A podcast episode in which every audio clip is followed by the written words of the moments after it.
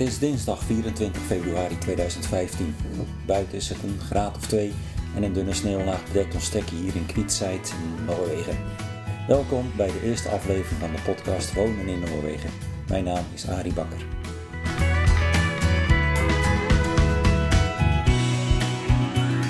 Wat kun je in deze eerste aflevering beluisteren?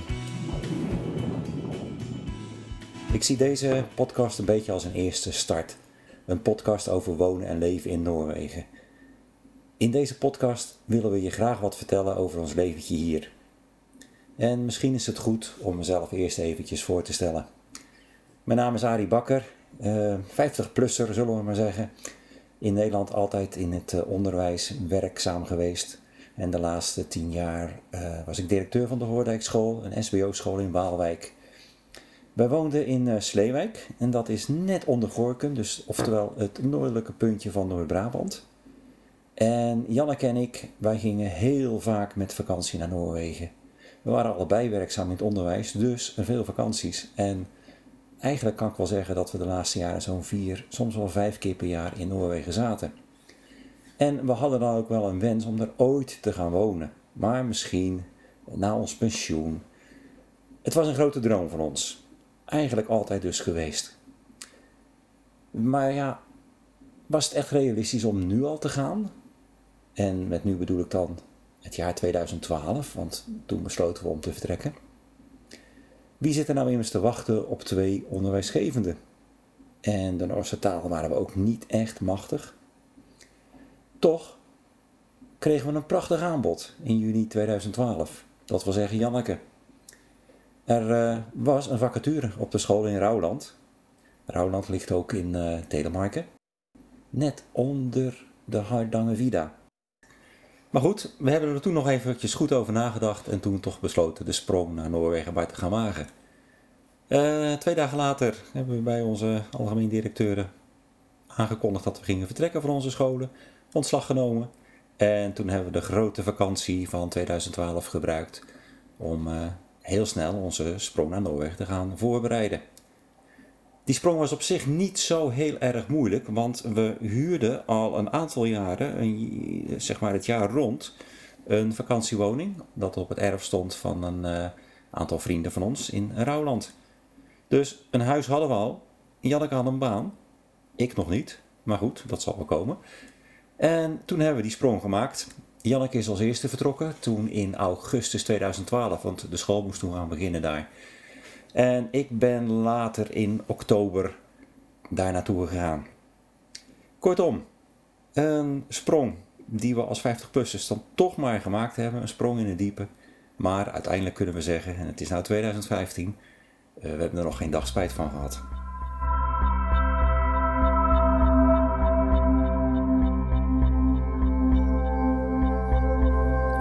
Tja, een podcast. Hoe zet je zoiets op en wat kun je allemaal behandelen in zo'n podcast?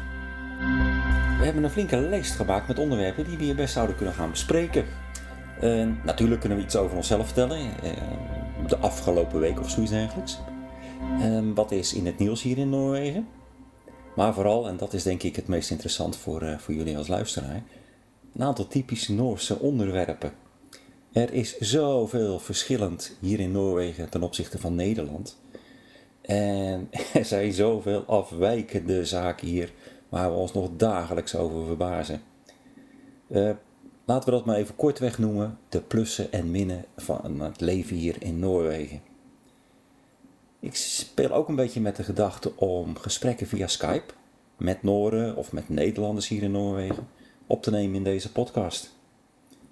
Uh, natuurlijk, uh, ja, we zijn ontzettend benieuwd of er uh, in de komende tijd ook reacties en vragen komen van de luisteraars.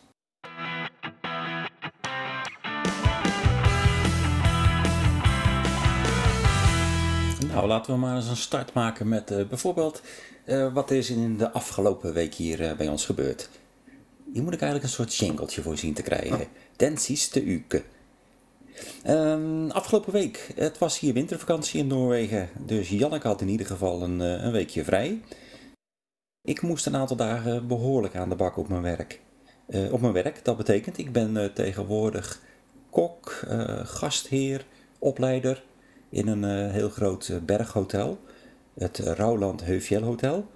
Het is een hotel waar we zo'n, nou, 200 gasten herbergen. Soms worden dat er wel 400, dus we kunnen daar flink aan de bak. Uh, daar heb ik een aantal dagen behoorlijk hard moeten werken, omdat we heel veel uh, gasten hadden die bij ons kwamen skiën en langlaufen. Um, wat was er nog meer gebeurd? Oh ja, nou, iets, iets heel typisch. En dat heeft toch wel een kleine link met, met Nederland. Het Shell station waar wij altijd tanken. Um, wij wonen in Kwietenseid. Wij moeten elke dag naar ons werk in Rouwland. Een enkele reis is al gauw 60 kilometer. En wij tanken meestal zo halverwege in Heudalsmoe. En daar stond altijd een prachtig groot uitgebreid Shell-station. En ineens werd dat Shell-station omgetoverd. Het ging een paar dagen dicht. En het was overgenomen door Statoil, een, uh, een Noorse, grote Noorse firma. Nou, weg Shell, hallo Statoil. Met diezelfde auto trouwens uh, ben ik nog van de weg gegleden. Ik kwam heel laat thuis, het was in de nacht, uh, half één ongeveer. En ik was bijna thuis. Ik reed vanaf een, eh, een, een, binnenweg richting de weg waar wij wonen. En dan moet je flink klimmen over een uh, heel smal slingerend paadje. Dat, uh, het, was, een, nou, het had net gesneeuwd. Het sneeuwde niet meer op dat moment. En plotseling gleed mijn auto zo in de grifta, in de, in de greppel. En ik kon geen kant meer op. Helemaal vast. Ik heb toen maar de verzekering gebeld. En die bellen dan vervolgens een, een sleepbedrijf. En die kwamen na een half uurtje met een grote vracht, met een grote, hoe heet zo'n ding, een soort truck, kwam die aanrijden. Hij bevestigde de kettingen aan mijn wielen en trok me heel voorzichtig zo uit, uit die greppel. En ik kon zonder schade mijn weg weer vervolgen. Perfect hè? En wat hebben wij gedaan verder? Uh, nou, in diezelfde week zijn we drie dagen naar Elgo gegaan. Elgo is een plaatsje wat ligt in het oosten van Noorwegen, tegen de grens van Zweden. En we hebben daar vrienden. Die vrienden die zijn eigenaar uit basis van de Veemunt Fjellstuur. En we hebben daar heerlijk eventjes een paar dagen bij gekletst. Want we hadden ze al heel lang niet meer gezien.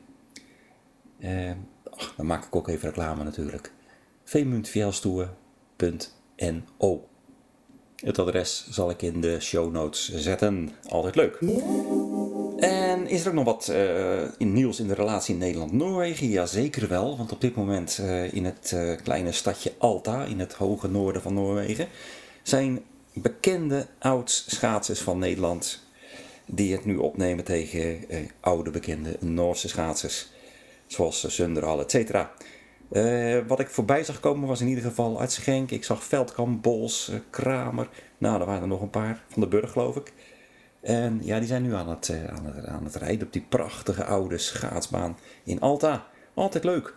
En wat ik ook net op Twitter voorbij zag komen, dat er weer een nieuwe bias deal is met Nederland. Er gaan uh, zo'n 200 Noorse gevangenen vertrekken naar het mooie Veenhuizen in Drenthe.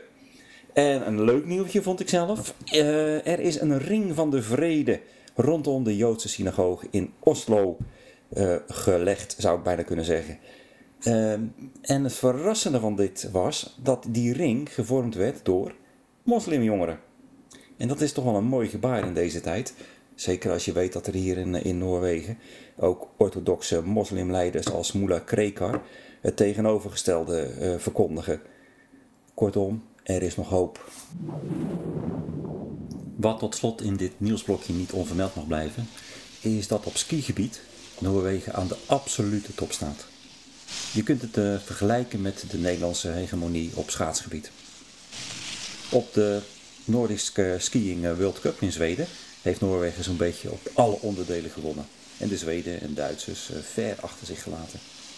En ook hier in Noorwegen vraagt men zich nu een beetje af of dat Lonely aan de top staan wel goed is voor de sport. Skiën, langlaufen, dat zit hier gewoon in het bloed, in het DNA van zo'n beetje iedere Noor. Zelfs kleine baby's die gaan al met de ouders mee in een poelk, een, uh, een slede, die dan wordt voortgetrokken, veilig en warm ingepakt. En dan gaan ze go-poshi, een tocht maken door het prachtige winterlandschap. De kinderen leren verder al, al, al jong skiën. Het is uh, af en toe verbazend als wij uh, merken dat we ingehaald worden door een knulletje van zeven. Die vrolijk uh, skiënd, schaatsend ons passeert. En trouwens hier in onze gemeente, in Kwietenzijd, een, een dorpje verderop, het dorpje Morkendal. Daar staat zelfs een heus skimuseum. Dat museum is gewijd aan de tak telemark skiën. Je kent het misschien wel van, van oude filmbeelden. Uh, waarbij dinoren prachtig zwenkend en zakkend door de knieën hellingen afdalen. Ik zet daar wel eventjes iets over in de, in de show notes.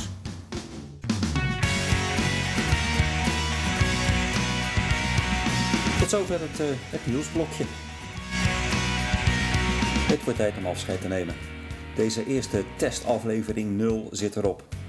Je kunt je reacties, suggesties en vragen sturen naar woneninnoorwegen.gmail.com Je kunt je ook gratis abonneren op deze podcast in iTunes of op soundcloud.com. Vanuit Kritisheid Noorwegen zeg ik een welgemeend harde bra, hou je haaks en tot de volgende keer.